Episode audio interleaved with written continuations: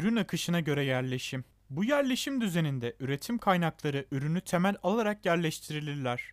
Üretimde kullanılan makineler ve yardımcı servisler ham maddenin işlenmesinden nihai ürün haline gelinceye kadar gerçekleştirilen işlemlerin sırasına göre sıralanırlar. Ürüne göre yerleşim düzeni yapısı nedeniyle üretim hattı olarak da adlandırılır. Üretim hatları da işlerin üretim kaynakları boyunca akışları söz konusudur. Bu tür yerleşim otomobil montajları hatları, self servis lokantalar, elektronik ürünlerin üretiminde uygulanır. Ürün akışına göre yerleşimin avantajları. Basit, düzgün ve anlamlı akış hatları oluşur. Ara stok çok azdır. Birim üretim süreleri çok düşüktür. Malzeme aktarımı az olur. Özel amaçlı makineler kullanılır. İşlem süreleri daha hızlıdır. Daha kolay ve sade UPK sistemi kullanılır. Niteliksiz iş gücü kullanılabilir. Ürün akışına göre yerleşimin dezavantajları.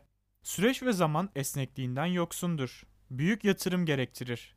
Bir tezgah arızası tüm hattı durdurur. En yavaş tezgah üretim hızını belirler. İşçiler için sıkıcıdır. Ürün tasarımındaki değişiklikler çalışamaz hale getirebilir.